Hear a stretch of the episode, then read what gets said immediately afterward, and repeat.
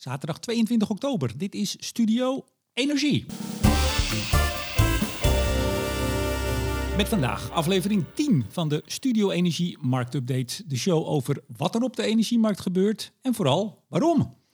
Met de marktanalist van Nederland, senior energie-econoom bij ABN AMRO, Hans van Kleef. Goedendag. En Studio Energie wordt mede mogelijk gemaakt door 369 vrienden van de show. Waaronder netbeheerder Stedin, Koninklijke FMW, Neptune Energy, Eneco en het energieteam van Ploem Advocaten en Notarissen. Ja, Hans, straks, even ademhalen, hebben we het onder meer over de pogingen van de EU-regeringsleiders om linksom of rechtsom de prijs van aardgas naar beneden te krijgen. Hans, zijn dat diezelfde leiders die met het verplicht vullen van de gasopslagen een blanco cheque aan de markt gaven? Ja. De markt die ze nu de schuld geven van de hoge prijzen? Inderdaad, dat zijn ze. gaan we het uitgebreid over hebben. Intussen neemt de verdeeldheid, niet om iets om over te lachen trouwens, in de EU verder toe. Zo is er grote onmin tussen Duitsland en Frankrijk met energie als rode draad. Wat betekent dat voor de energiemarkt? En over onmin gesproken, in Den Haag was er ophef. Nou, dat is er altijd natuurlijk, maar nu was er echt ophef over eh, of het kabinet en misschien zelfs de koning naar het WK voetbal in Qatar gaat. Ophef die mooi laat zien dat Den Haag nog altijd niet doorheeft dat er echt sprake is van een wereldwijde energiecrisis. Of, zoals Rob de Wijk het mooi zei, welkom in de nieuwe wereld. Wie in ieder geval wel doorheeft dat hij in de aanloop naar de midtermverkiezingen volgende maand in grote problemen zit, is Joe Biden. Een van zijn grootste problemen is dure olie en olieproducten. Kan hij nog wat doen nu Saoedi-Arabië niet alleen niet onder de indruk is van zijn dreigementen, maar zelf ook terugdreigt? Over de nieuwe wereld gesproken. En uiteraard heeft ABN AMRO weer een nieuwe energiemonitor uit. Titel Schaarste in de energievoorziening. Geschreven door, kijk nou, Hans van Kleef. Ja. Maar, Hans, Ja. groot nieuws. Jij bent eh, in januari nog steeds de marktanalist van Nederland. Nog steeds senior energie-econoom. Maar niet meer bij ABN AMRO. Nee, vind je dat? Nou, ik vind het wel een shocker. Ik heb het op eh, Twitter en op eh, social media al een beetje aangekuild met een cliffhanger naar vandaag. Ja. Ja, nou ja, wat ga je doen? Waarom ga je weg? Vragen, vragen. Wat zijn de antwoorden? Ja, ik, ehm, ik ga naar publieke zaken. Oh. Ehm, en daar gaan, eh, gaan we een, eh, een marktenergie research desk opzetten. Oké. Dus eigenlijk ga ik in die zin niet heel veel anders doen dan nu. Maar ehm, wel meer, eh, ja, ik denk dat, de- dat ik meer kwaliteit kan bieden. We gaan meer focussen op, op die marktupdates. Meer vertalen naar de energietransitie. Maar ja, met, met, met, met meer handjes aan de desk. En dus, Je vindt het toch wat moeilijk ja, om ik, erover ik te vind het praten, ook wel hè? spannend, eerlijk gezegd. Dus eh, Ja, snap ik. Publieke ik moet zaken. zelf ook nog een beetje het idee wennen. En, en ja, het er zit ook een beetje gemengd gevoel in. Want uiteindelijk eh, zit ik bijna 23 jaar bij de bank. Dus het is voor mij ook wel een, een spannende stap. Ja, publieke zaken is een eh, ja, van oudsher lobbykantoor. public affairs, ondersteuning van partijen bij... Ja, ze doen veel meer. Het is kantoor Ja, ze doen Leegte. diverse dingen. Dit is consultancy op gebied van eh, public affairs. Maar ze hebben ook, en daar ken ik ze van, in eerste instantie eh, die politieke monitor. Hè, dus waarbij je eigenlijk heel makkelijk in een notendop kan zien wat er allemaal gebeurt op, op wetgeving en regelgeving. Dagelijks mails en alles wat er maar in Ja. de Kamer en, en in, in Brussel gebeurt, krijg je op je, op je desk. Absoluut. Ehm, en daar gaan we dus eigenlijk nu een nieuwe tak aan toevoegen. En dat is dus het, het markt-research deel. Ja, Dus publieke zaken, energie, research en strategy. maar ik wist dit natuurlijk al iets eerder dan, eh, dan eh, dat ik het nu hoor. En dat moet even serieus, want ik zei wel toen je zei, nou, ik ga bij publieke zaken. Nou, gefeliciteerd, zei ik. Dankjewel. Ja. Maar ik zeg ja, je bent nu gewoon echt. Ik heb jou in de show omdat jij eh, eh, analist bent, energie-econoom. Jij bent los van welk belang dan ook. Het enige wat jij deed bij ABN Amro was eh, onderzoek doen, rapporten maken. Eh, niks met klanten, althans niet een commercieel belang op geen enkele wijze. Nou ja, eh, publieke zaken werkt wel voor klanten. Ik heb wel gezegd, en ik herhaal het maar, Ja. als ik ook maar merk, Hans.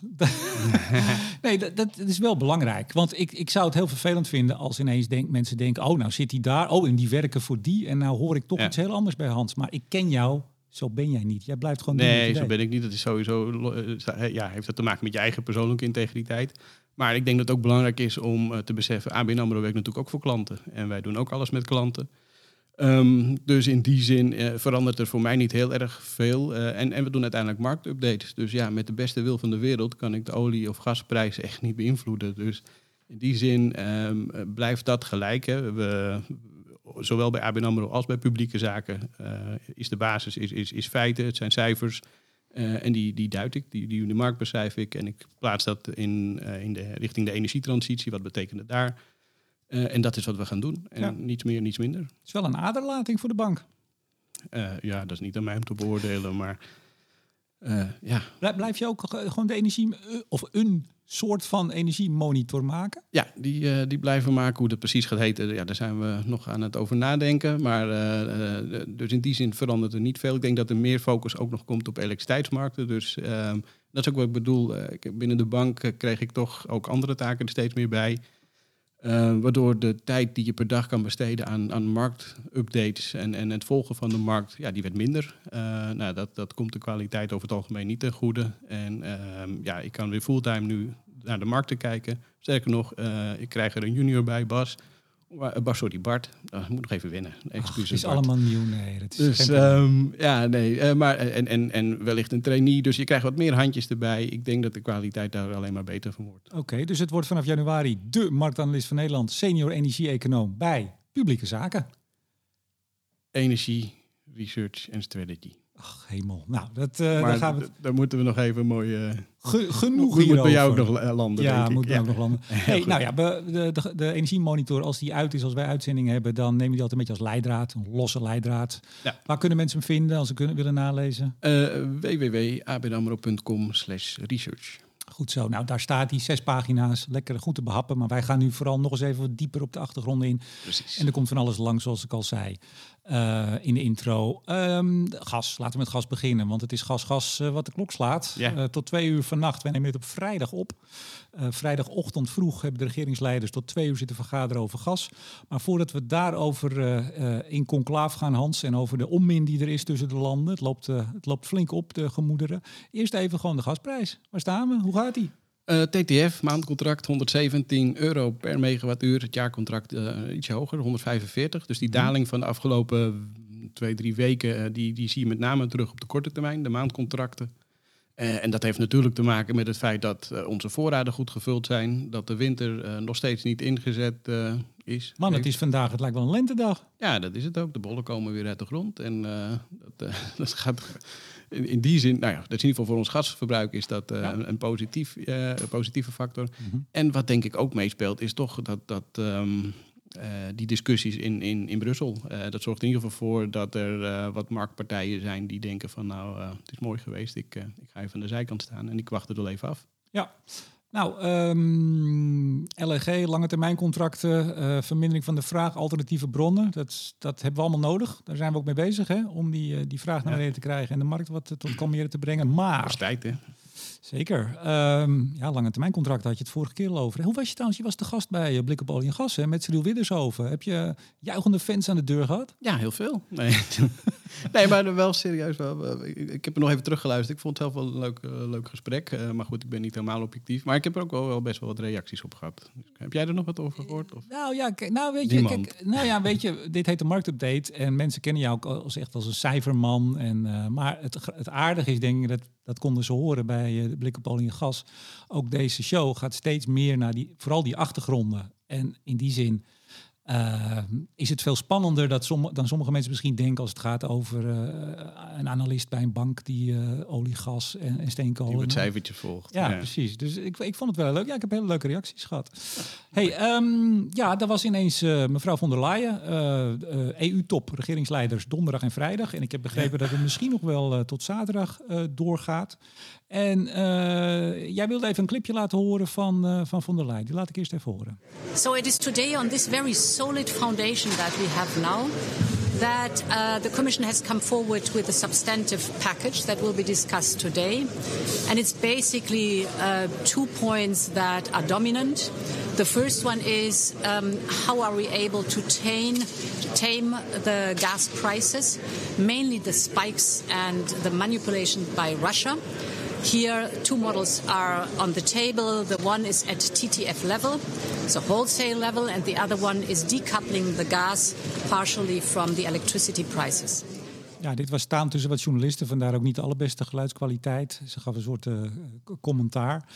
Maar even Hans, uh, denk jij, ik heb het wel eens vaker gezegd in dit programma, maar denk jij dat uh, niet echt ingewijden die alle stukken lezen, die ook vannacht kwam, kwam er een stuk wat er nou besloten was, nou niet zoveel eigenlijk, daar gaan we het nu over hebben, ja. of het nog te volgen is? Want als je ziet wat voor aanpassing en daar weer het compromis op, ik, ik vind het echt heel lastig te volgen. Ja, ik, ik, vrees dat, dat zij het zelf ook heel lastig kan volgen als ik dit zo hoor. en, uh, maar, maar serieus, decouplering gas from electricity prices, hoe dan? Ja. Het is, is, alsof je zegt van, ja, ik, ik wil wel voor mijn brood betalen, maar de tarweprijs, dat doet er niet toe. Nee. Ja, sorry, dit gaat niet. Je, je, als je wil dekoppelen from, uh, je, je, je, gas van, uit de elektriciteitsprijs wil halen, dan moet je zorgen dat gas niet meer in de energiemix zit. Ja. Um, ja, met alle beste wil van de wereld, dat, dat gaat nog wel even duren. Ja, maar, maar ook sowieso, en dat, dat hoor ik dan weer, hè, en dat is zie je zeker bij von der Leyen als persoon, maar ook bij de Europese Commissie wat breder. Hè, on, this solid foundation.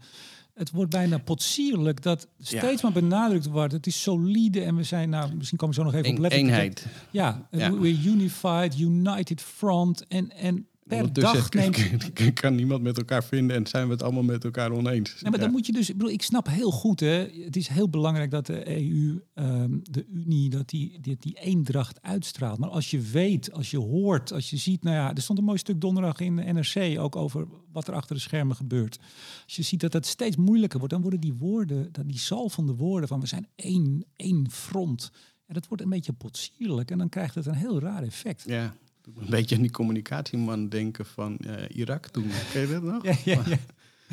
Ja, nee, er vallen geen bommen. maar ondertussen zie je er ook pluimen opschieten. Ja, er was niks aan de hand. En de bommen achter hem, die ja, hoorden je gewoon exploderen. Ja, nee, dat was maar maar dat, dat, dat kan wel op een gegeven moment zich tegenkeren. Nou goed, misschien moeten we dit dan maar even terzijde leggen, want we hebben heel veel te bespreken. Maar um, vanochtend, vrijdagochtend, uh, in ieder geval geen gasplafond. Nou, dat is eigenlijk het heetste hangijzer. Hebben we het hier al vaker over gehad? Ja, nee, we hebben we, ja, geen gasplafond. Nee, dus niet een, een maximumprijs. Dat... Gelukkig, zou ik zeggen. Ja, want? Want? Nou ja, goed, daar hebben we natuurlijk bij olie en gas over gesproken. Want het, het heeft totaal geen nut. Uh, op het moment dat wij met z'n allen hier in Europa zeggen... Uh, we, we voeren een gasplafond in...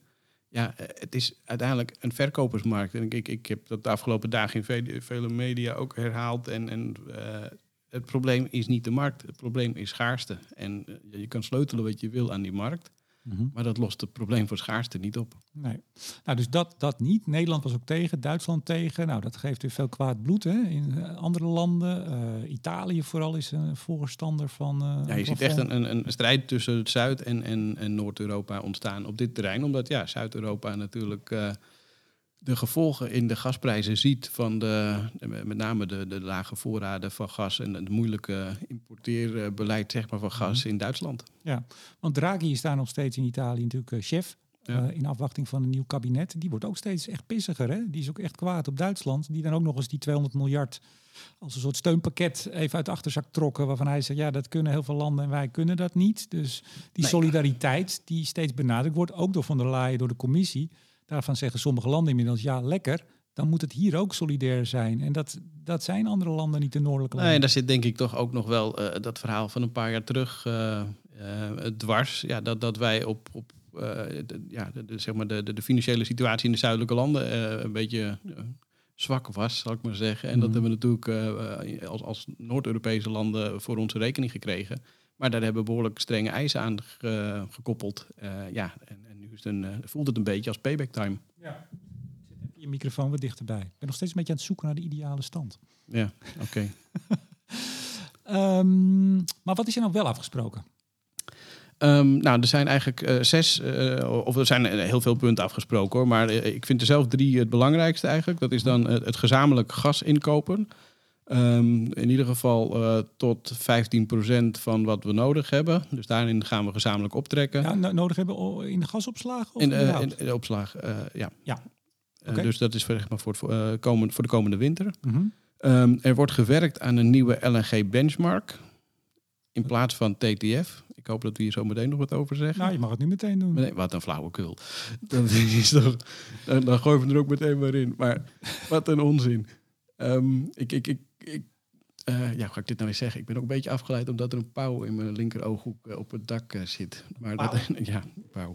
Wacht even, dan doe ik dit nog even. Dan ga, als wij het toch gaan, gaan bijstellen, doe ik even zo. Yes. Vertel. Ja, nou Ja. oké. En dan moet je eigenlijk een stapje terug van wat is nou eigenlijk die TTF-markt? Ehm, en, en het Hans, mooiste... wat, wat is eigenlijk de TTF-markt? Oh, goede vraag.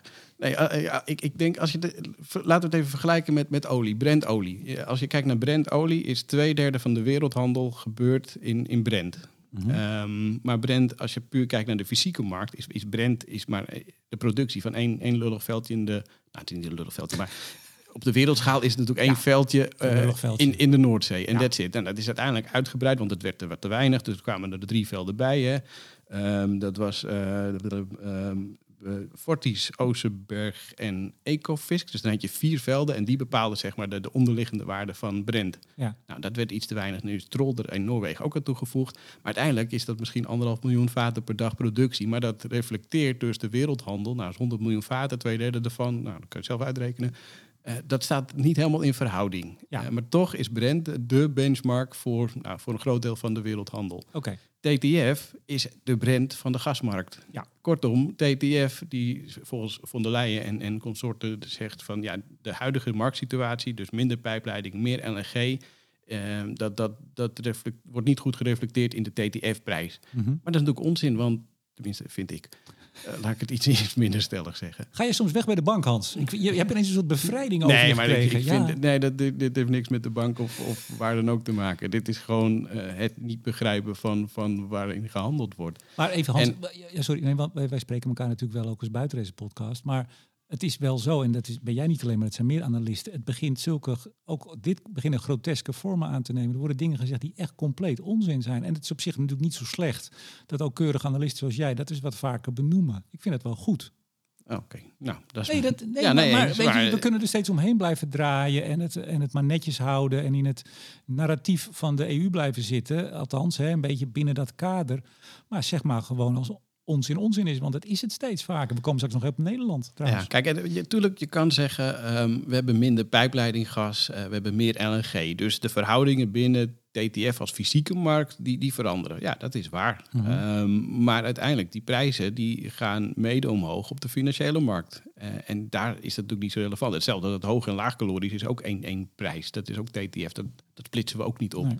Eh, wat je dan krijgt als je er een andere ehm, benchmark naast zet, is dat je dus als het ware de, de markt gaat splitsen. Dus je krijgt een deel wat nog via pijpleidingen gaat en een deel via LNG. Dus je liquiditeit in de markt, dus het volume in de markt, neemt Mhm. af. En dat zorgt juist weer voor meer risico's. Dus als er een partij is die één contract eh, die een beetje volume heeft in die markt koopt of verkoopt, dan, dan gaat het die prijs alleen maar meer beïnvloeden. Dus in plaats van een probleem oplossen, ja, denk ik dat we er eerder eentje bij krijgen. Ja, nou we- moet er ook een tijdelijke bandbreedte komen in de TTF-handel. Ja, want die, die, nieuwe benchmark die gaat pas in maart in. En ze willen eigenlijk per direct al een, eh, een, een, een mechanisme in werking stellen... waardoor die prijsbewegingen op dagbasis eh, beperkt worden. Nou goed, daar Ja. kan je nog iets voor zeggen. Oké. Eh, want dat zorgt in ieder geval voor dat eh, het voor marktspeculanten minder interessant wordt... om eh, ja, all-in te gaan, zou ik maar zeggen. Maar ik, ik lees ook steeds vaker, dat las ik ook in dat, vond ik, heel goede artikel donderdag in NRC van de Europa-correspondent in Brussel over wat er nou achter de schermen gebeurt en hoe iedereen, nou ja, probeert zijn belang te behartigen en, en dat van Europa. Maar dat verschilt nogal. D- dat soms regeringsleiders en delegaties ook, ook alleen al blij zijn als ze allemaal ongeveer snappen wat ze bedoelen. Ze zitten ook gewoon soms langs elkaar heen te praten. Er worden begrippen gebruikt, er worden dingen gezegd waarvan eigenlijk niemand, en dit gaat om onze regeringsleiders, eigenlijk en hun delegaties niet meer precies snappen wat het eigenlijk betekent. Dat is natuurlijk wel echt. Nee, maar dit zijn natuurlijk hele specifieke markten. Je kan je ook afvragen, zijn dat de regeringsleiders... die daarover de knopen per se moeten doorhakken? Hmm. Maar ja, goed, weet ik niet. Ik zit niet eh, zo Ik- in, de, in de politieke... Ik, ik zag in dat, eh, er was een, eh, de conclusions van de European Council. Dus dat is, nou, om twee uur waren ze klaar. Vijf voor half vier werd dat gepubliceerd, vrijdagochtend. Dat vond ik één punt. Nou, er, staat dus in van die, die gas samen inkopen. Dat wordt dus vrijwillig, niet verplicht. Overigens vorige keer bij boven de op- 15 procent. Ja. Ja. Maar het, het zou eerst verplicht zijn, hè? Dus dat is, dat is afgezwakt naar vrijwillig, of niet? En zoals ik het lees, is het tot die 15 procent nog wel verplicht. Maar heel eerlijk, eh, ja, en dat is ook wel wat ik een beetje...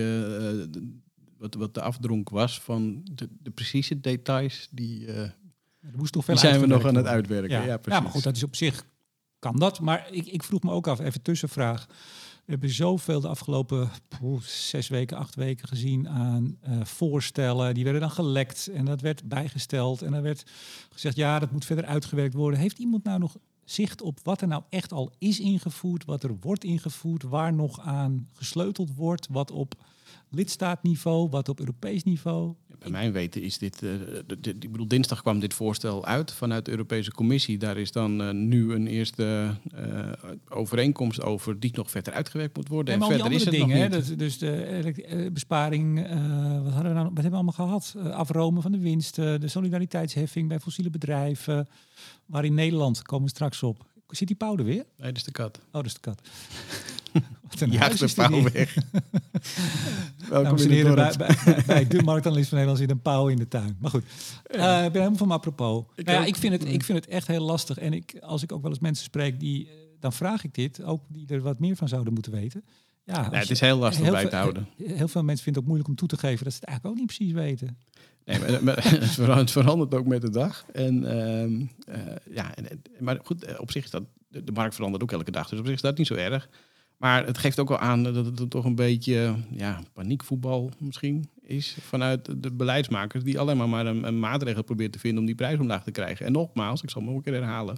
Het probleem is niet de markt. We hebben gewoon te weinig gas. Ja, er stond punt D in die, uh, in die conclusions van de Council vannacht. A temporary EU framework moet er dus komen to cap the price of gas in electricity generation, including a cost and benefit analysis. Nou, verder uitzoeken. Without modifying the merit order while preventing increased gas consumption. Dus eigenlijk... Ja, het, je gaat even vertalen? Ga, heel dat is eigenlijk het derde ja, punt. Ik, ik, zeg in mijn eigen woorden gewoon, je gaat helemaal aan de markt sleutelen, maar er moet niks veranderen, maar alles moet veranderen. Ja, zo kan je het ook vertalen. Maar, maar dat is wel heel plat geslagen. Nee, maar eigenlijk willen ze dus, en dat was het derde punt, hè, dus naast het gezamenlijk inkopen en naast die LNG-benchmark is dus die prijsrange tijdelijk uh, zodat je die, die grote prijsbewegingen op dagbasis niet meer hebt. Maar dat mag geen gevolgen hebben dus voor de merit order. Uh, het mag uh, niet zorgen tot meer vraag naar gas. Hè. Dus dat als het ware zeg maar, een, ja. een, plafond krijgt, wat we bij, bij de consumenten bijvoorbeeld nu hebben. Dus ja. dat, dat daar een cap op zit, dat eigenlijk iedereen denkt van nou, die zit er toch boven, dus mm -hmm. dat, of eronder. Um, en het derde punt is dat we ook moeten rekening houden met het beleid buiten Europa. Dus daar mag het ook geen invloed op hebben. Ja, dan wordt het wel een beetje. Ook dit slaat toch nergens op, Hans? Ja, je kan het allemaal wel opschrijven dat het daar moet voldoen. Nee, maar, maar dan, dan zwak je die hele maatregel dus af. Ja. Dus ja, schrijf het dan niet op. Nou, dat bedoel ik. Dat is onzin. Dus. Dat is echt de definitie van onzin. Ja, ik heb me net al wat stellig uitgelaten. Doe jij maar oh, over ja, deze. voorzichtig. Ja, ik schrok er zelf van. Oké, okay, oh jeetje. Oh ja, nieuwe baan natuurlijk. Hè. Je weet, ja. René luistert ook mee natuurlijk. Um, nou ja, goed, uh, er is dus toch... Maar er stond nog meer in, hè? Ja, er stond nog heel veel meer in. Ja, solidariteit. We moeten solidair zijn met elkaar. Nee, dat, dat vind ik altijd zo mooi. Ja, maar da, da, en, dat zet dus heel veel kwaad bloed in de zuidelijke landen. Ja. Die zeggen echt van... Oh, hè, ja. die, die, dus je moet uh, op gas, je gas blijven uitwisselen. Je mag niet zeggen, ik hou allemaal gas zelf. Hè. Je moet dat gas vrijelijk laten stromen in Europa. Je moet solidair zijn, je moet het delen met de anderen. En dan zegt Italië en ook andere landen... Zeg, ja, laat Duitsland dan ook eens even de portemonnee bij ons trekken. Niet alleen voor zichzelf. Ja, ja, als je het voorstelt hè, dat Italië zeg maar, dus de voorraden helemaal gevuld heeft en Duitsland heeft tekort, dan, dan ga je dus tekorten creëren in Italië om niet helemaal de tekorten in Duitsland ja. deel op te vangen. Ja. Waarbij, waarbij Duitsland 200 miljard uit de achterzak heeft getrokken om, de, ja, om nog even iedereen te compenseren. En Italië die zit dan met tekort. Ja, precies. Nou, dat. Uh... Nee, maar dus Tot zover de, de, solidariteit. Nee, maar dat zei ik dus net met, met Von der Leyen. Hè, die woorden van we zijn united, the united front en zo. Ja, dat begint echt heel pijnlijk te worden. Omdat ook regeringsleiders inmiddels dat allemaal niet meer alleen achter de schermen... maar ook heel hard voor de schermen roepen dat ze er heel boos over zijn. Ja, nou, er staan er nog twee dingen in. Ja, Oké, de focus op vraagvermindering, die blijft dan. Uh, nou, dat is uiteraard goed. Um, meer fabrieken dicht? Uh, misschien, uh, nou ja, nee, ik denk dat het vooral gericht is op, op, op efficiëntie. Waar, waar kan je nog winnen? Kijk, uh, als de fabriek dichtgaat door de hoge kosten, dan, dan moet je dat niet besparen noemen. Dat, dat is natuurlijk onzin. Uh, maar je kan wel kijken of er bij een fabriek die nog open is, of daar nog wat winst te behalen valt door efficiënter in te zetten op weet ik veel tijden. Of, of nou, je, je, kan er bij alles van bij voorstellen. en het andere punt is het, het, het, het verhogen van het aantal um, securities, dus uh, um, het onderpand die je mag gebruiken om uh, margin, je margin call verplichtingen te voldoen. Ja. En dat, dat is natuurlijk een, uh, een goede zaak. Ja, nou weet je, ik zeg tegen mensen die hier echt willen induiken, European Council Conclusions, uh, oktober 21st om uh, vijf minuten voor half vier. Het staat gewoon op de site van de European Council. Daar kan je het allemaal even nalezen. Hè? Yes. Ja. Uh, trouwens, even iets anders. heb je gehoord van die rechtszaak? die is verloren door vijf glastuinbouwers in Zeeland. Yara, Sluiskeel, dicht. Zij krijgen hun CO2 en warmte van Yara, Sluiskeel. hebben geen mogelijkheid tot gas. Sterker nog, ze, ze, zijn, ze zijn daar vanaf geloof 2009 200 hectare glastuinbouw gaan bouwen, kassen, om uh, dat ze een mooi langjarig contract hadden, hebben, hadden, hebben, hebben, ja. hadden met Jaren Sluiskil. En nou ja, die zitten deze winter zonder. En de rechter heeft gezegd, ja, dit is toch echt wel overmacht, een oorlog, konden we niet weten. Dus die zitten gewoon, die kunnen gewoon ook de deur dicht doen deze winter. Oké, okay, nee, die had ik niet gezien. Nee, maar even de effecten maar, uh, dus van... van. Ja, maar dat, dat is natuurlijk overal. Ik bedoel, je kan wel zeggen, mooi, dat, dat hoor je ook wel af en toe van... ja, we zijn goed bezig, want we besparen zoveel gas. Ja, maar dat, dat komt natuurlijk ergens vandaan. Als een deel van de industrie ja, stilstaat, dan wordt een deel van de producten niet gemaakt. En dat heeft uiteraard invloed op economie, op, op, op allerlei andere dingen. Maar, dit soort secundaire effecten heb je ook van. nog eens. Nee, ja, is nog eens een afgeleide daarvan. hey, um, LNG, Qatar... Ja. Nou, we zitten tot als, uh, als een strot vol uh, met LNG. Dat importeren we. Dat kost uh, veel geld. Daar hebben we het vaker over gehad. Maar nou liggen er, ik geloof, 35 LNG-tankers die liggen te dobberen voor onze kusten. Wat is daarmee aan de hand? Ja, die kunnen het niet kwijt. Die, die, die nou, dat is sowieso in, in, Spanje. En Spanje heeft een beperkt aantal importcapaciteit natuurlijk. De voorraden zijn vol. dus de tankers liggen te wachten tot ze kunnen aanmeren. Um, of uiteindelijk ergens anders uh, naartoe kunnen, omdat het uh, gas uiteindelijk dan verkocht wordt. Maar het kost zo'n schip, ik geloof, 3, 400.000 dollar per dag, hè? Om te, te charteren. Oh, dat, dat, durf ik niet te zeggen, maar het is een hoop geld. dat, dat, dat zeker. Het is een hoop geld, Hans. Ja, nee, dat. ja. maar, maar zit hier ook een strategie achter? Want uh, op dit moment zijn de gasprijzen wat laag. het is niet zo warm, of pardon, niet zo koud kan best zijn over een maand dat we echt dat, die, dat die gasprijs uh, het plafond raakt. En misschien is het wel slim om hem een maandje voor de kust te leggen en hem te verkopen en te lossen. Dus, ja, hangt er vanaf wanneer je het gekocht hebt. Als, als ja. je dat tijdens de piek hebt gekocht en het wordt nu afgeleverd, dan, dan, dan, is het een slechte strategie. Ja. Qatar is een LNG producent. Een flinke ook. Australië is ja, de grootste. Het zijn uh, een beetje gelijk. Alle twee 20% van de wereldmarkt. Ja. Uh, het wisselt een beetje per maand. Maar Qatar en Australië is, zijn ongeveer gelijk. Gevolgd door Amerika met 18%. En dan uh, een heel uh, tijdje niet. Dan heb je Rusland met 8%. Ja, en dan was er, uh, nou, er was ophef in Den Haag. En ik zei al, dat is er altijd, om van alles. Maar nu ging het over dat er een regeringsdelegatie wel niet, en misschien de koning wel niet, of beide, of nou ja, whatever, ja. naar het WK in Qatar gaat, WK voetbal. Heb je al oranje spulletjes in huis trouwens, of niet? Nee, nee, nee. Oh, ik, ik, oh. ik, ik, haak pas aan bij de halve finale. Goed zo. En meestal redden we dat niet. Nou, coalitiepartij D66 ChristenUnie, die uh, waren verbolgen. Die zijn boos. Um, en uh, ik, ik haal al even het quoteje van, uh, van Rob de Wijk aan van de week. Ja, welkom in een nieuwe wereld. Duitsland loopt de deur plat inmiddels bij Qatar en andere staten in het Midden-Oosten voor LNG. Ja. En wij roepen eigenlijk nog steeds foei. En er is ook reden om foei te zeggen. Mensenrechten, daar doen we niet, niet lichtzinnig over. Maar ja, je moet toch op een gegeven moment wel wat. Ja, zoveel partijen zijn er niet die, uh, die gas leveren. En uh, ja, dat, dat is vaak het. Uh, ja, hoe ga je dat nou niet zeggen? Maar nou, zeg, zeg het maar gewoon, Hans. Ja, nee, maar ik, ik, ik vind dat een beetje lastig. Uh, ik, ik, het is een beetje hetzelfde als met, met schaliegas uit de VS. Ik bedoel, schaliegas willen we niet, maar dan komt het uit de VS en dan vinden we het allemaal fantastisch. Staat de minister juichend op de kaart in Groningen? Ja, nou ja, dat. Uh, en dit is natuurlijk een beetje hetzelfde categorietje. Uh, en, en ja, dan kan je zeggen van we moeten allemaal duurzaam. Maar ja, al die schaarse metalen die komen dan weer vooral uit China. En daar vinden we ook wat van. Volgens mij een podcast over. Kijk. Studio Energie. Heel goed, dan moeten we luisteren. Ja. Um, nee, maar goed, gas, uh, we, we, hebben gas nodig. We hebben gas nog heel lang nodig. Uit Rusland willen we het niet meer. Dat betekent dat je dus ergens anders vandaan moet halen. Uh, productie in Groningen is natuurlijk niet aan de orde. Uh, offshore is, is hier lokaal ook steeds lastiger. Um, en, en dus moeten we het importeren. Nou, er zijn er niet veel, heel, ja, niet veel partijen die dat aan kunnen bieden. En Qatar is wel een van de belangrijkste, zo niet de belangrijkste. Ja.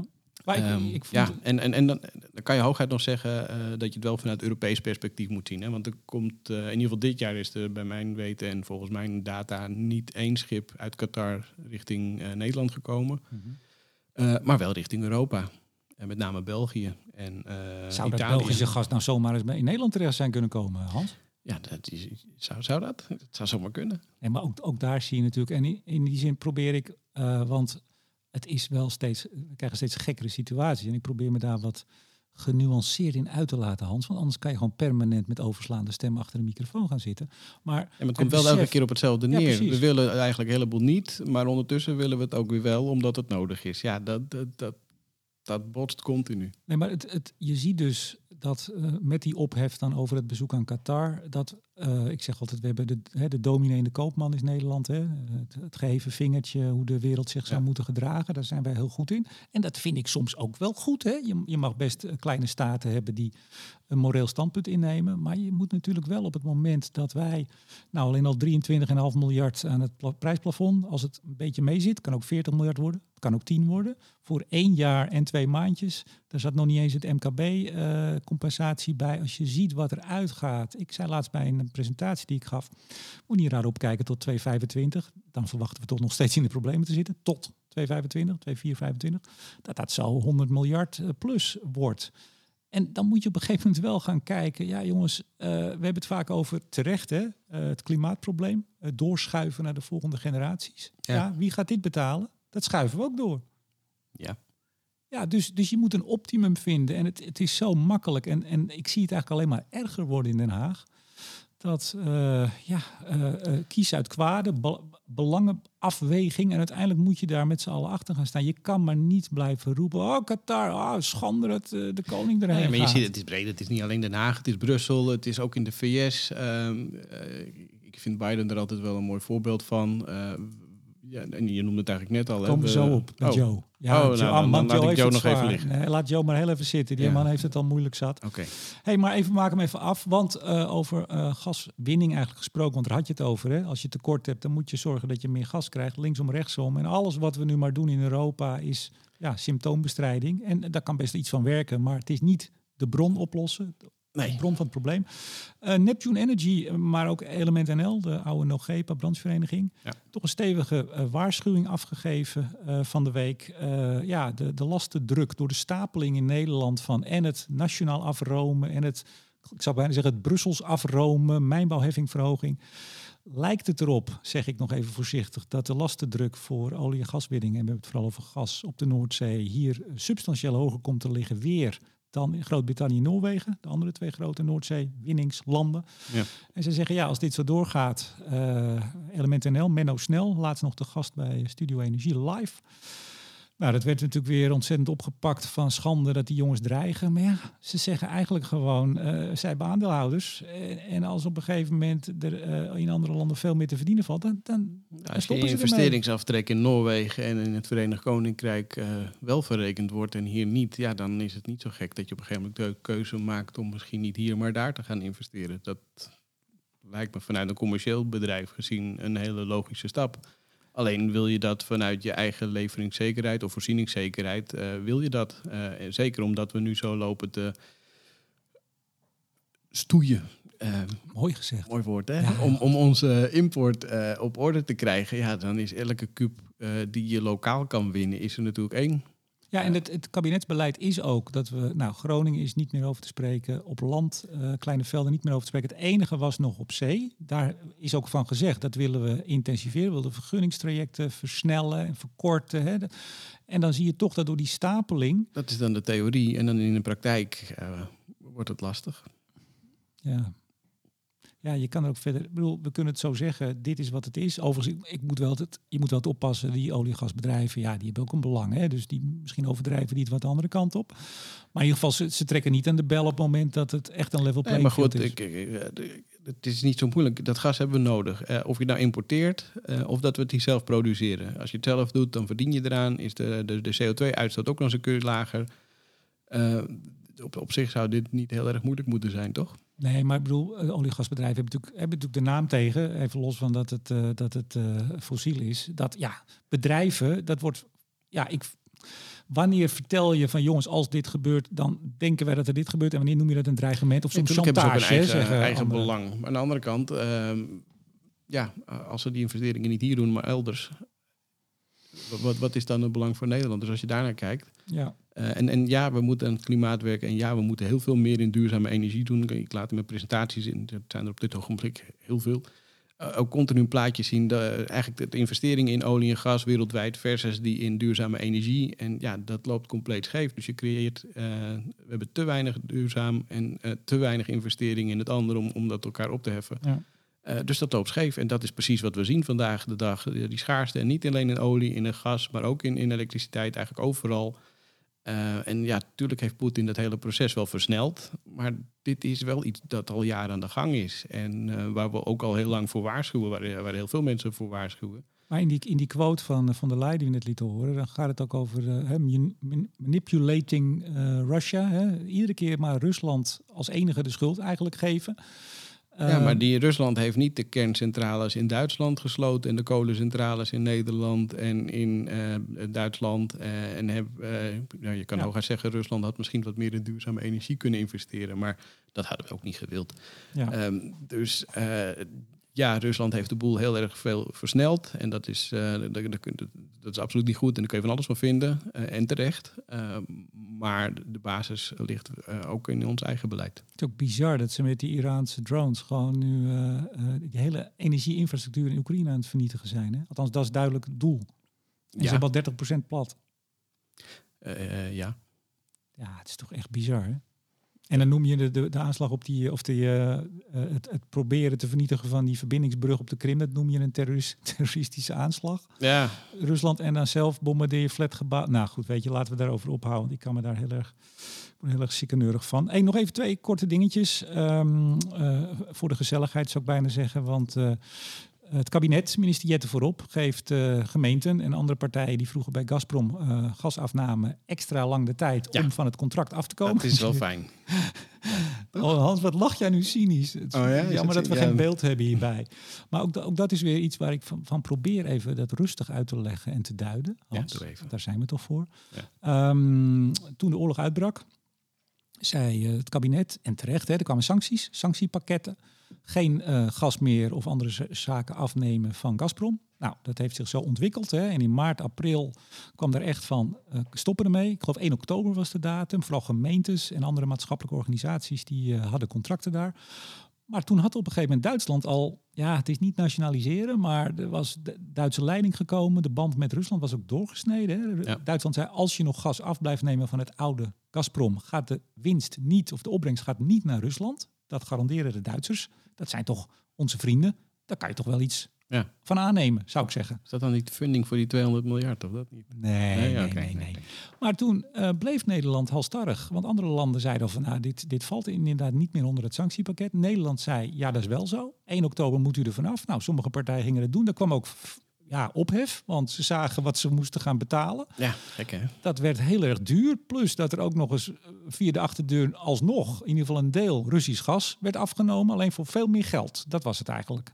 En uh, kabinet Jette voorop bleef daarbij. Uiteindelijk is hij teruggefloten door uh, de Kamer, lees, zeg ik, de coalitie. De eigen partijen. Die hebben gezegd, uh, beste minister, stoppen ermee.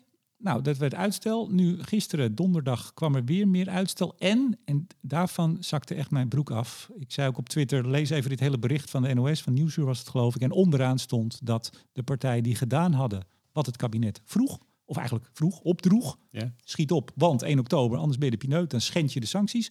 Die gaan nu financieel worden gecompenseerd. Kijk, nou, dat is dan wel weer fijn. Ja, maar, en ik, ik, denk dat je hier ziet, nogmaals, laten we dit netjes houden. Um, dat hier ook weer de, de, de, de dominee en de koopman, nou in ieder geval de dominee, hè, je wil iets doen, je wil uh, Rusland treffen met sancties, dat is goed. Hè, daar, daar doen we niks aan af. Nee, maar nu treffen we vooral onszelf. Ja, en op moment, maar op het moment dat het duidelijk is dat heel veel partijen en landen en Duitsland zegt nee, doe dat nou niet, het hoeft niet, dit valt er niet onder, dan blijven wij dat wel doen. En nu gaan we ook nog eens de partij die dus heel diep in de buidel hebben moeten tasten. Ik zag uh, gemeente Utrecht 11 miljoen erbovenop. Even, moet even uit de achterzak. Kan niet naar scholen, kan niet naar plantsoenen, kan niet naar welzijnswerk. Dat moet naar, ja, naar wie? Naar een gasleverancier met een deel Russisch gas. En dat gaan we dan nu ook weer compenseren. Ja, dit is, dit is niet in je voet schieten. Dit is in één keer je voeten gewoon aftrekken met de grasmaaier, Hans. Ja. Ja, Ja. moet je ervan zeggen. Ja, wat moet je ervan zeggen? Nou, dan hebben we nog Duitsland. Duitsland en, ruzie, en, en Frankrijk hebben ruzie. Hè? Onder andere over een gaspijpleiding van eh, de Midcat. Ik hoor het, ja. Macron wil niet. Macron wil niet. Die zegt, er liggen er al twee en die zitten niet vol. Dus waarom moeten we er nog één? Eh, environmental eh, eh, protest van de milieubeweging om hem over de Pyreneeën te leggen. Spanje zegt, het ding kan er in negen maanden liggen. Duitsland is er heel erg voor. Frankrijk zegt, nou, wij zien het niet. Nee. Gaat lekker, hè? Ja, Dat 200 miljard steunpakket van Duitsland, dat wordt door de Duitse Rekenkamer ongrondwettelijk genoemd. ja, dat hoorde ik, ja. Maar is niet, Dat- niet, niet zeggen van, joh, doe, doe maar niet. Nee, ongrondwettelijk. Tegen de grondwet in. Niet, mag ja, ja, niet van de grondwet. Ja, en dan terug naar de tekentafel. Of, eh, En nog de laatste, ik noem ze gewoon op en dan zeggen we er gewoon niks over. Noem op. Eh, ja. Scholz, eh, de bondskanselier, heeft gewoon het machtswoord gesproken. Die heeft van zijn, zijn bevoegdheden als bondskanselier gebruik gemaakt om de ruzie binnen zijn eigen coalitie over drie miserige kerncentrales, om die iets langer open te houden. Daar kwamen ze maar niet uit in de coalitie. En hij heeft gezegd, ik hak de knoop door, mag dat geloof ik, half april mogen ze ja, open april blijven. volgend jaar. Ja. Ja, uiteraard. En de discussie was of eind volgend jaar of op... Ja, Ja. Maar goed, ook eind volgend jaar is dit nog niet afgelopen. nee. Dus we krijgen waarschijnlijk die hele discussie in april nog een keer. Maar daar zie je eigenlijk een beetje hetzelfde wat je ziet bij eh, in Nederland, bijvoorbeeld met dat eh, ex-Gazprom-gas, wa- wat, ik- wat we net over hadden. Het is de, de, de pragmatiek, het, eh, je land en je bevolking goed door een crisis leiden. Ik bedoel, we doen ook goede dingen, hè. laten we dat ook wel meteen ook zeggen. Maar op dit terrein, daar zie je dat, dat gewoon het, de morele superioriteit of het, het, het dogma, eh, echt het, het pure, simpele besturen. Jongens, die, die kerncentrales houden nog één jaar open, minimaal met verlenging van zoveel. Dat zo- kan niet meer genomen worden. Nee, omdat ze heel erg stellig daarvoor waren eh, met het moet dicht vanwege andere factoren.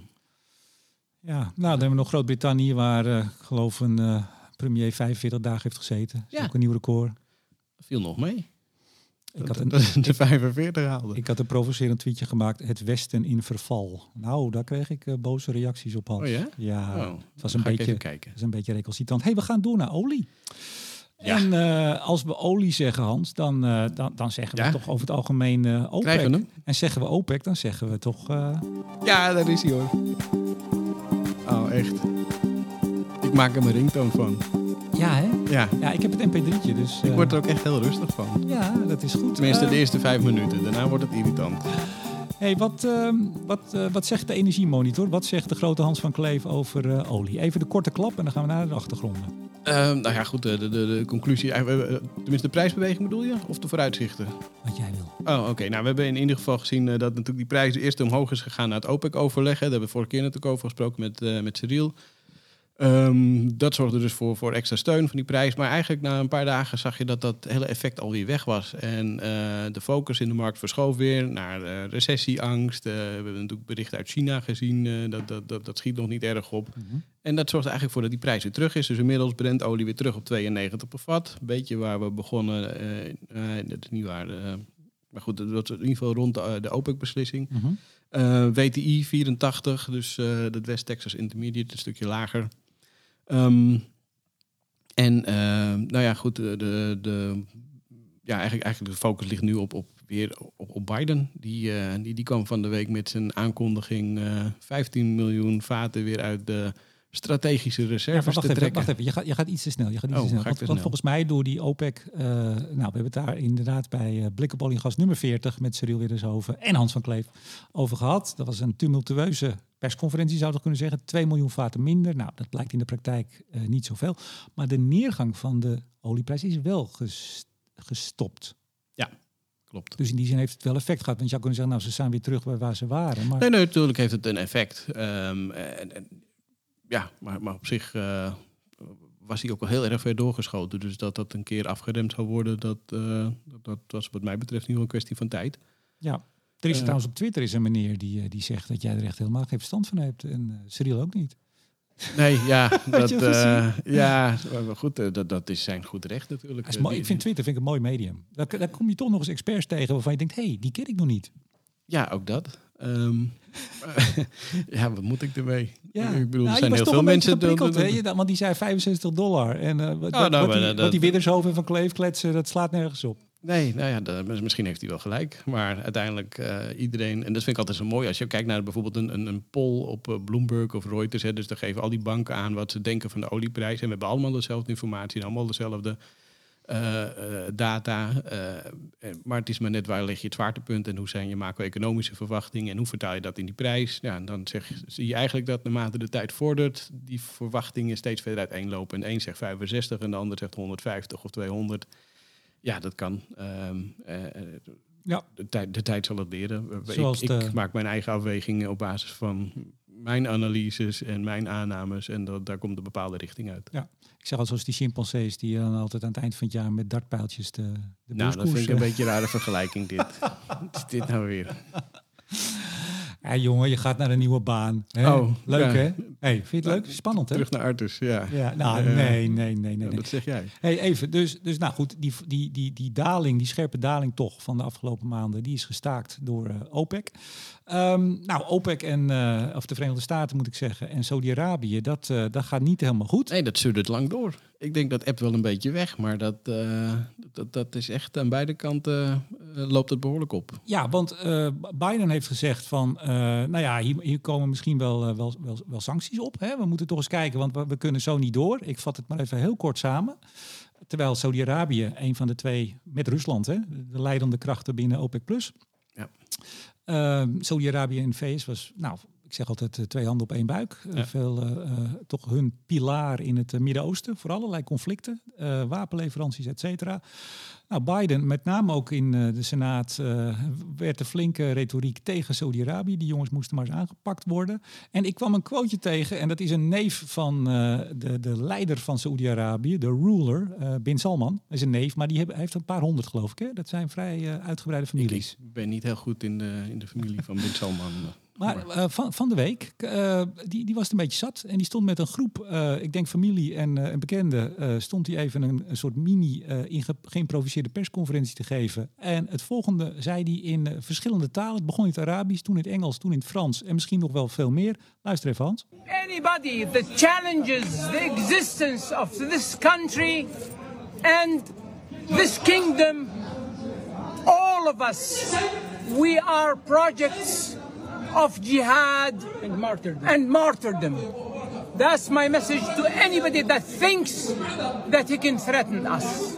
Ja, daar sta je dan.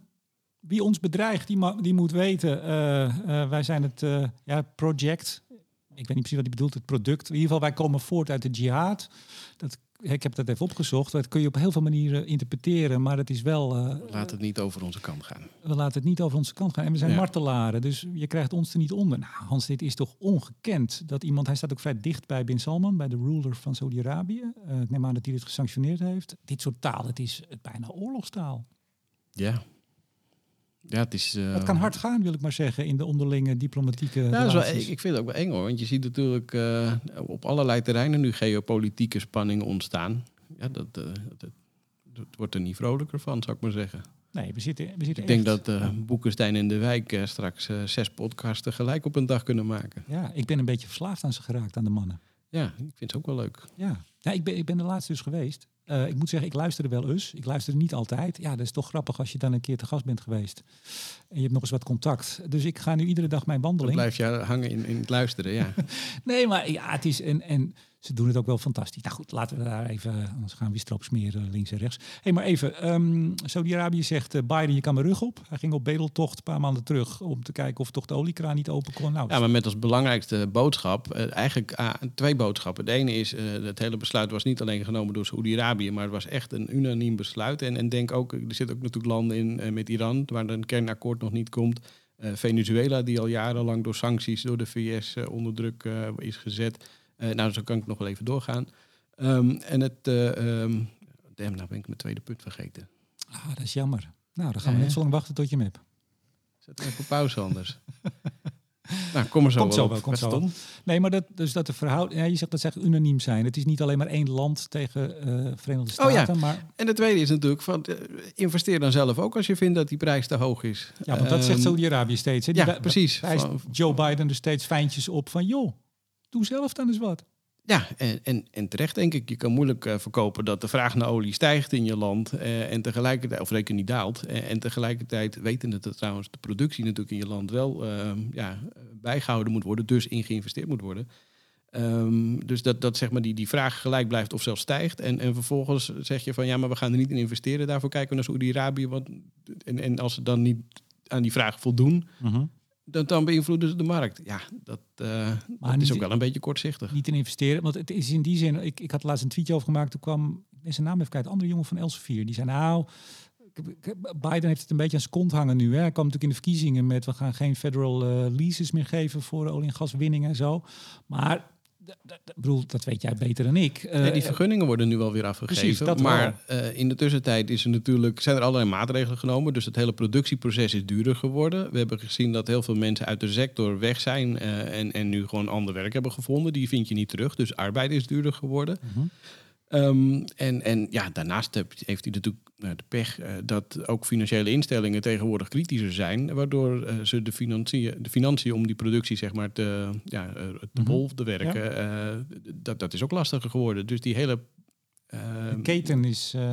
ja, dat is veranderd. Stuk. En, en zeg maar die groei die we de afgelopen jaren hebben gezien, die, die is gewoon minder sterk.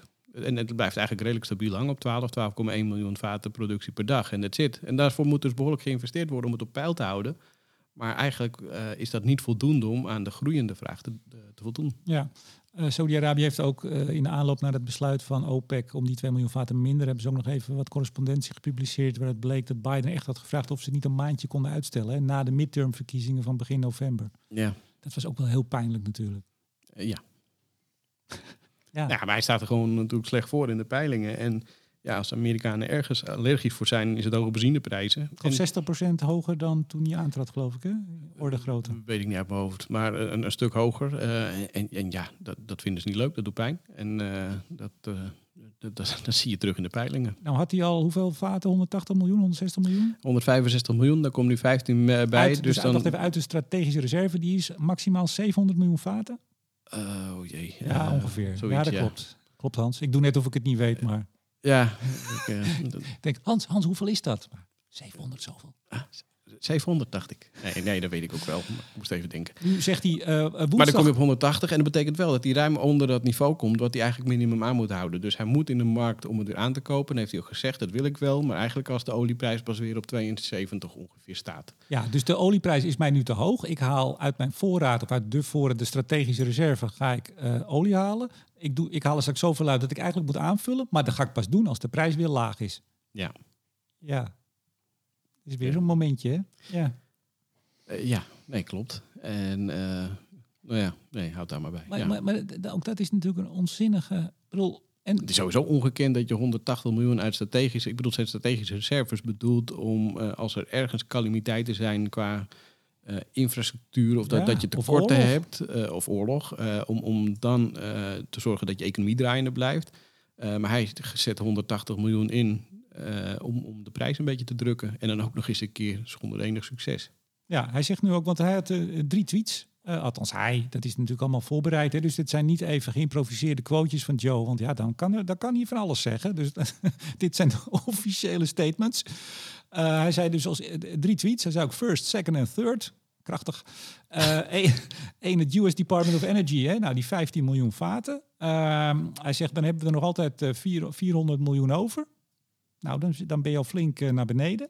En ik, hij zegt, ik heb gezegd, eh, als we er nog meer uit moeten halen, eh, dan doen we dat. Ja. Daarmee wil hij dus de markt een signaal geven. Ja, maar ja, ja, we weten hoeveel dit geholpen heeft. Dus hoeveel wil je er nog meer uithalen dan? Ja, maar heeft, heeft dit woensdag nog iets gedaan? Reageert de markt hierop? Ik heb niks gezien. Nee. Nee. Ja, als 180 miljoen niks doet, vaten, en dan 15 miljoen. Met iets van, nou ja, maar ik kan- nog wel meer doen hoor. Echt wel. Ja, nee, dit, dit kunstje is uitgespeeld. Ja.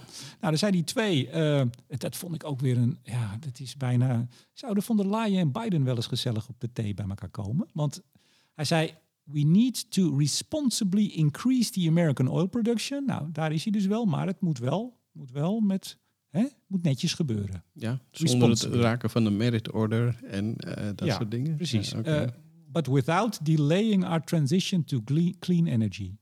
Ja. Dus ook weer, we willen eigenlijk alle twee tegelijk. ja, nou ja, goed. Wat op zich nog wel zou kunnen. Maar het is echt bedoeld, weet je, we moeten die olieproductie opvoeren, maar het gaat niks doen aan de transitie. Het gaat even, even snel en goed als we het al gingen. Ja, nou, dat gaat Ja, dus niet wie- samen. Nee, nee, nou, nee. En de derde was, en dat vond ik wel, eh, eh, ja, hij zegt: It's time for energy companies to pass through their lower costs to customers. Ze Ja. moeten hun lage kosten gaan doorgeven. Wat is dat, Hans? Wat betekent dat? Nou ja, dat de olieprijs is gedaald. Dus dat betekent dat je geraffineerde producten ook in eh, kostprijs dalen. En dat zou je dus terug moeten zien aan de pomp. Ja, refiners are making double what they normally make, and retailer margins are more than 40% above typical. It's keeping pump prices higher than they should be, and it's wrong. Het is Oh, nou klink je net als Trump. Oh, oh echt? Hemelbah, ja, echt? Ja, it's wrong. Nee, maar, nee, maar dat, een, een Amerikaanse president die toch, hoewel eh, met de verdeeldheid in het land en mogelijk na de midterms eh, half november nog meer eh, ellende en, en Ja. verlamming, maar een, een president die zo krachteloos is dat hij alleen nog maar, maar kan zeggen: het is verkeerd, mensen. Het zou niet moeten mogen. Nee, hij legt de schuld van zijn peilingen eigenlijk dus bij de raffinaderijen neer. Ja. Ja. Het zijn wel bijzonder. Ik denk dat wij later nog eens deze podcast gaan terugluisteren, zelfs wij zelf. Ja, En dan beginnen we met begin en 2020. dan toen denken we, wat jeetje, wat waren we zuur? Nee. Weet je dat? Nou, ik moet, wel, ik moet wel zeggen, even serieus. Ik krijg de laatste tijd, en ik heb wel wat, wat eh, nou ja, ja wat, wat, kijk, iemand zei tegen mij dat ik wat pessimistisch aan het worden was. Ik zei, nou ja, je moet pessimisme niet verwarren met realisme. En zoals ik net tegen jou zei, ja, je lacht erom. Eh, zoals ik net tegen jou zei, ja, maar het is ook goed eh, als jij en ook andere mensen die echt, eh, nou ja, Hans, hoog in aanzien staan. Jij doet al jaren dit werk. Als jij op een gegeven moment ziet, ik heb jou vroeger ook nooit zo gehoord, en, en jij bent nog steeds de, de, stabiele, de stabiele man die ik heb leren kennen. Als jij op een gegeven moment zegt, ja, maar dit is echt onzin. En als je op een gegeven moment dit soort uitspraken ziet, je, jongens, dit, dit is voor de bühne, dit geeft de krachteloosheid aan. En dat maakt ons bang. Dat zou ons bang moeten maken op een aantal terreinen. En ja, is dat pessimistisch? Ja, ik vind het realistisch. We zitten in ongekend spannende tijden. Geopolitiek, nou, energie, het hangt allemaal met elkaar samen. En als je ziet waar we staan eh, als het gaat over Europa en eh, mogelijk, nou ja, ik ga dus een podcast doen dinsdag over onze veiligheid. Ja. Eh, onze offshore infrastructure, maar ook over onze afhankelijkheid voor grondstoffen van China, maar ook Rusland. Hè? Vergis je niet, want we zitten Ja, met nee, die olie en gas, maar er komen ook nog wat zeldzame metalen en, en grondstoffen uit Rusland. Ja. Ehm, nou, eh, ja, het zijn hele, hele spannende tijden. Absoluut. Het is een cliché, maar ik vind dat wel mooi over eh Boekenstein in de Wijk gesproken. Wat ik zo mooi van, van Arend-Jan Boekenstein vind, die roept dan af en toe... Ja, wij- wij weten, dus, wij weten er eigenlijk ook niet zo van. Wat weten wij eigenlijk? En dat vind ik wel, daar kan je om lachen. Ja, dat deed ik ook. Maar het is wel de kern, want het is, er gebeuren zulke eh, niet geziene dingen... dat we daar over jaren nog over praten en aan terugkijken. Ja. En als je er middenin zit, ja, je kan ook vaak niet meer doen dan het melden. Nee, het is, ja, het is ook zo, het gebeurt ook overal tegelijk. Dus om dan het totaalplaatje te zien, dat, eh, dat is in de energiemarkt al lastig. En dit gaat natuurlijk veel verder dan de energiemarkten. Dus eh, ja. Nog wat voor de vooruitblik, Hans. Ehm, nou, nou, weinig. Ik, ik, ik zit echt compleet, eh compleet lekker Nederlands ook weer. Eh, echt compleet volgeboekt met allerlei presentaties en alles voor de komende periode. Komende week ga ik mijn nieuwe column schrijven voor Energiepodium. Mhm. Ik denk dat ik het over de TTF gasprijsbenchmark eh misschien eens ga hebben. Is dat wat? Heel goed. Maar weet je, als ik verder, vraag, eh, verder eh, ik vraag altijd voor de vooruitblik, dat, dat mag persoonlijk zijn. Misschien ga je straks achter die pauw aan in je tuin. Maar, maar het gaat misschien ook over de verwachtingen in de, in de eh, belangrijke zaken. Komt OPEC bij elkaar? Verwacht jij nog zaken in Oh, die. Europa? Ja, je man. Nee, nou ja, goed, we hebben, we hebben natuurlijk eh, nog twee dagen eh, overleg in Brussel eh, tussen de EU-leiders. Ja, nou ja, als mensen dit horen is het waarschijnlijk wel klaar. Dat hoop ik voor de EU-leiders, want dan is het Ja, oké, maar dat weten we nu nog niet. Eh, dus wellicht dat daar nog eh, een, een, een lichtpuntje uitkomt. Ik heb wel de agenda gezien voor vandaag, voor vrijdag, maar daar stond energie niet meer op. Dus in principe hebben ze het wel energie. Oh, dat is wel ik, eh, afgetimmerd. af- ja, ja, dus dan gaan we nu verder dingen onderzoeken. En daar komen we binnenkort op terug. Ja, precies. Oké. Nou, dan, Wat ben jij toch cynisch, man? Ach. Nee, dat is zo. Nee, ik dacht, ik zeg ook feitelijk. cynisch. Ja, nee, ik, ik, het wordt mij wel eens verweten. Ik denk, nou zeg ik het eens een keer. Oh. Nee, heel goed. Realistisch. Ja. Realistisch en feitelijk. hey, eh, dinsdag stuur energie. Ja, over veiligheid. Nou, ik heb het al eh, volgens mij nu twee keer gezegd. Ga ik Drie nog keer, maar doen. nog niet met wie. Dat Eh, doe je waarschijnlijk Nee, dat doe ik nooit. Dat doe ik nooit. Oh, oké. Nee, dat doe ik nooit. Nou, voor hetzelfde geld gaat het niet door. En het is ook zo flauw als iemand eh, om wat voor reden ook niet kan. Nee, oké, dat is waar. Dus pas als hij is opgenomen of ik, eh, ik zit er ongeveer en eh, we beginnen, dan, dan eh, zeg ik het Dan mag. Oké. Nou, geen geheim We wachten het af. Ehm, en dan heb ik nog iets. Ja, sst, stil. 7 november is weer Studio Energie live.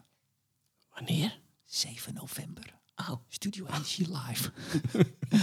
ja, eh, eh, daar kunnen mensen bij zijn, maar niet zoveel.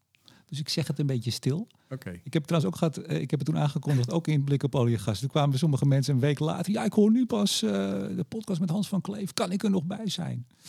Nou ja, Ja, voor sommigen volgende dat. wel dus. Eh, en, en sommigen niet. Ehm, ehm, dus nou ja, dat wou ik nog even zeggen. En, en dat vind ik toch wel echt heel leuk nieuws, al zeg ik het zelf. Ik heb het al aangekondigd op Twitter, maar eh, we gaan volgend jaar, en dat zal eh, rondom, nou waarschijnlijk in maart zijn, oh ja. de tweede editie van de grote energie- en klimaatquiz met de enige echte ongekroonde cijferkoning van de Nederlandse energietransitie, Martin Visser. Ja, leuk. Ja, ik heb er nu al heel veel zin in. Eh, we doen het voor het vijfjarig bestaan van Studio Energie. Dat wordt ook eh, nou, niet de vijfde Diligentia, eh Theater Diligentia, want we hebben natuurlijk eentje overgeslagen voor corona. Maar eh, ehm, ik heb daarvoor de lichten op groen gezet. Ja, dat is leuk als je dat zelf allemaal kan, kan doen. Ja, dat is mooi. Ja.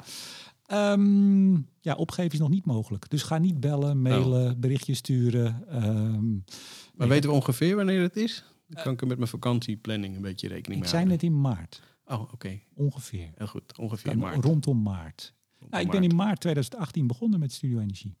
Dus het is wel leuk om te proberen om eh, het vijfjarig Lijkt wel bestaan. veel langer. Is dat, is dat positief of negatief? eh? Nee, nee, positief. Oké. Ik zeg eh, dankjewel Hans. Tot de volgende keer. Tot de volgende. En Studio Energie wordt mede mogelijk gemaakt door 369 vrienden van de show. Waaronder Netbeheerder Stedin, Koninklijke FMW, Neptune Energy, Eneco en het energieteam van Ploem Advocaat en Notarissen. Mijn naam is Remco de Boer. Graag tot de volgende keer.